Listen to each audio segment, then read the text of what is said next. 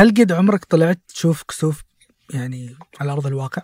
إي يعني ما أتوقع حد يفوت الفرصة رغم إنه أتوقع إنه خطر على العيون وكذا حتى في نظارات آه، يعني خاصة لهذه هذا الشيء بس آه، ما زالت آه، يعني يعني مخاطرة كبيرة إنك برضو تلبسها وتروح وتشوف. يعني أذكر كنت أقول طيب ليش فجأة الشمس تصير خطيرة وقت الكسوف؟ وطلع إنه ما في فرق في الخطورة بس السالفة إنه وقت الشمس لأنه ما في نور فتستسهل إنك تناظر الشمس ولدقائق كثير ففيها موجات ما ما تروح حتى الكسوف. فطلع لازم تلبس النظارة ذي عشان ما تأثر عليك يعني.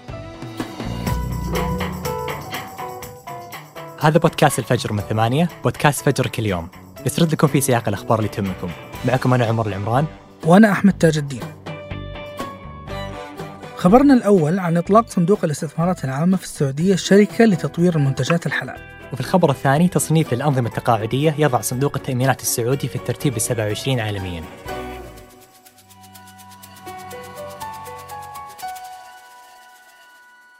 أعلنت السعودية رسميا دخولها منافسة في سوق صناعة المنتجات الحلال. فصندوق الاستثمارات العامة أطلق أمس شركة لتطوير هذه المنتجات اللي تهدف للاستثمار في تطوير وتوطين قطاع هذه الصناعة. وتتوقع تقارير أن يرتفع سوق الاقتصاد الحلال خلال العقد الحالي إلى أكثر من الضعف. وراح تركز السعودية من خلال هذه الخطوة لتوطين عدة منتجات رئيسية كالمواد الغذائية ومستحضرات التجميل والصناعات الدوائية. لكن إيش نقصد بالمنتجات الحلال وليش تستثمر السعودية فيها؟ وكم الاستهلاك السنوي على هذه المنتجات في العالم؟ المنتجات الحلال هي المنتجات اللي تتلائم مع الشريعة والفقه الإسلامي مثل الخدمات التمويلية في قطاع الصيرفة والتمويل الإسلامي المصممة وفق قواعد الشريعة. أما في قطاع الأدوية والتجميل فالمقصود فيها المنتجات اللي ما تحتوي على لحم الخنزير أو الجيلاتين أو الكحول. والسبب في أن السعودية تستثمر في هذا القطاع هو أنها تبغى ترفع من كفاءة منظومة قطاع منتجات الحلال محليا وتصدر منتجات مصنوعة في السعودية للأسواق العالمية. فهي تخطط للدخول في منافسة الدول المنتجة في سوق ضخم يقدر بمليارات.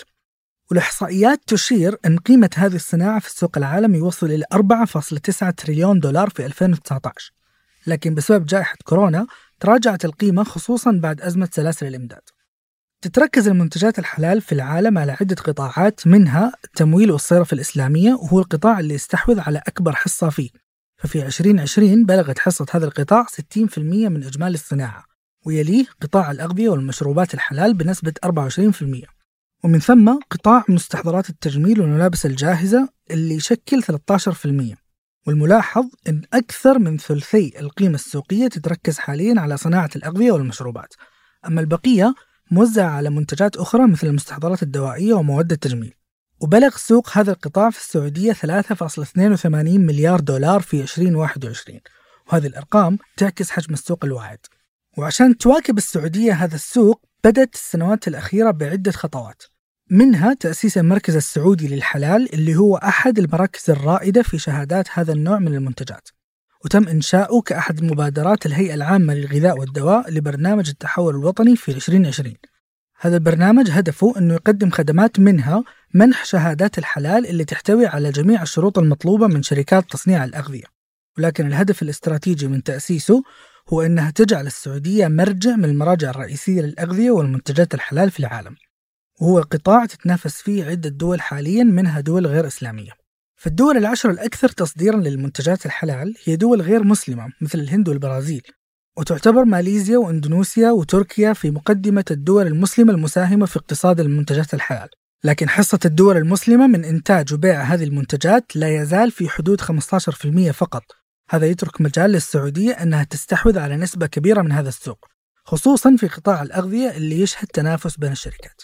واللي يوصل حجم الإنفاق فيه عالميا إلى 1.17 تريليون دولار سنويا. فمن أهم شركات الأغذية الحلال عالميا في الوقت الحالي شركة الإسلامي للأغذية وهي عبارة عن شركة تقدم العديد من المنتجات الغذائية الحلال. وأيضا شركة BRF اللي تقدم مجموعة من المنتجات الغذائية ومن بينها العلامة التجارية الشهيرة سادية. هذه الشركات أصبحت اليوم تقدم منتجاتها في كل دول العالم بما فيها العواصم الأوروبية اللي أصبحت المنتجات الحلال أيضا سوق نشط واعد فيها. فالطلب يتزايد بصورة كبيرة عليها خصوصا في متاجر الغذاء العملاقة اللي تحاول أنها تعزز من أرباحها المستقبلية باستقطاب الزبائن المسلمين حول العالم. وتتوقع بلومبرج زيادة شعبية المنتجات الغذائية الحلال عالميا وأنها بتجلب فرص أكبر في السوق. ولهذا السبب تتسابق الشركات حاليا في تطوير تقنيات البلوك تشين عشان تساعد في تسريع المصادقة على هذه المنتجات وتلبي الطلب العالمي المرتفع عليها. وعشان كذا راح تركز السعودية على مواصفات وممارسات عالمية موثوقة عشان تعزز المصداقية لشهادة هذه المنتجات. في سوق يعاني من اختلاف المواصفات وتعدد شهادات التصنيف.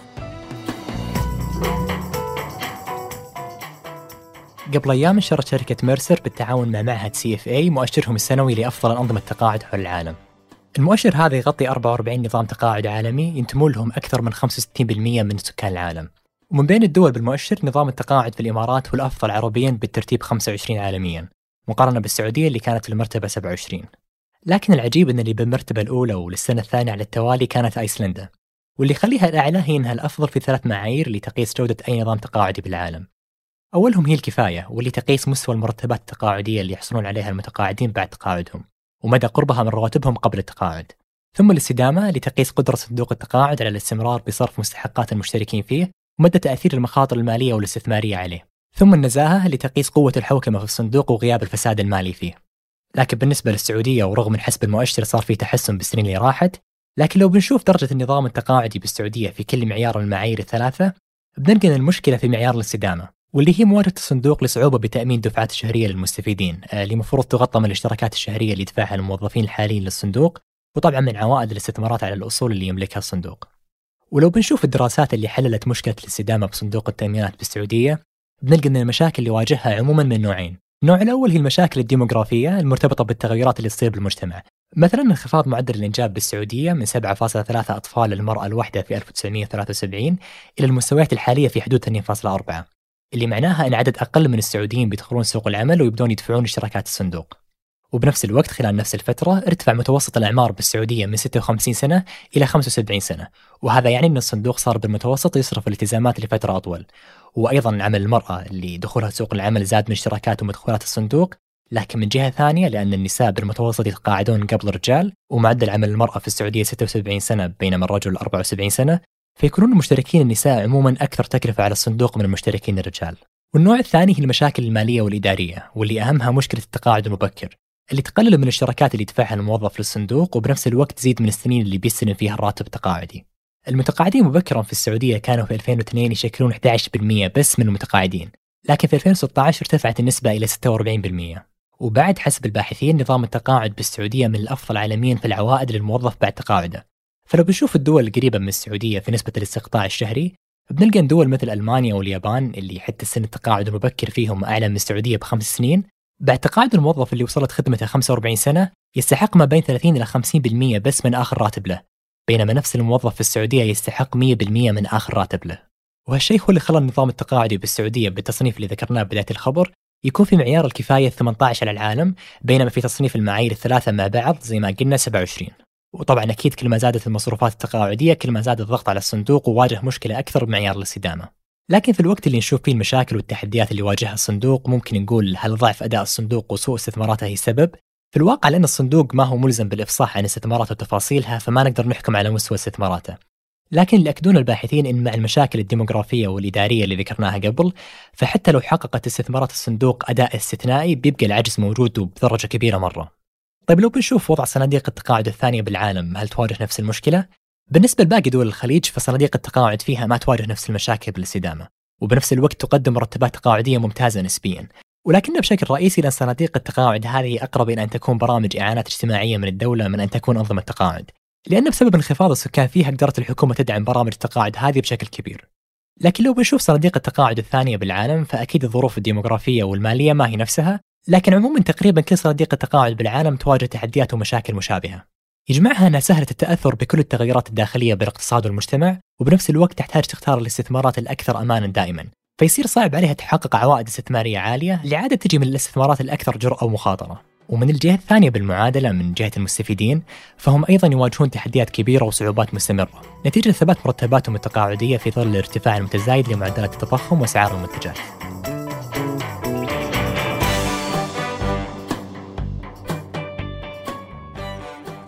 أنتج هذه الحلقة تركي بلوشي وراجعتها سحر سليمان وقدمتها أنا عمر العمران وأنا أحمد تاج الدين.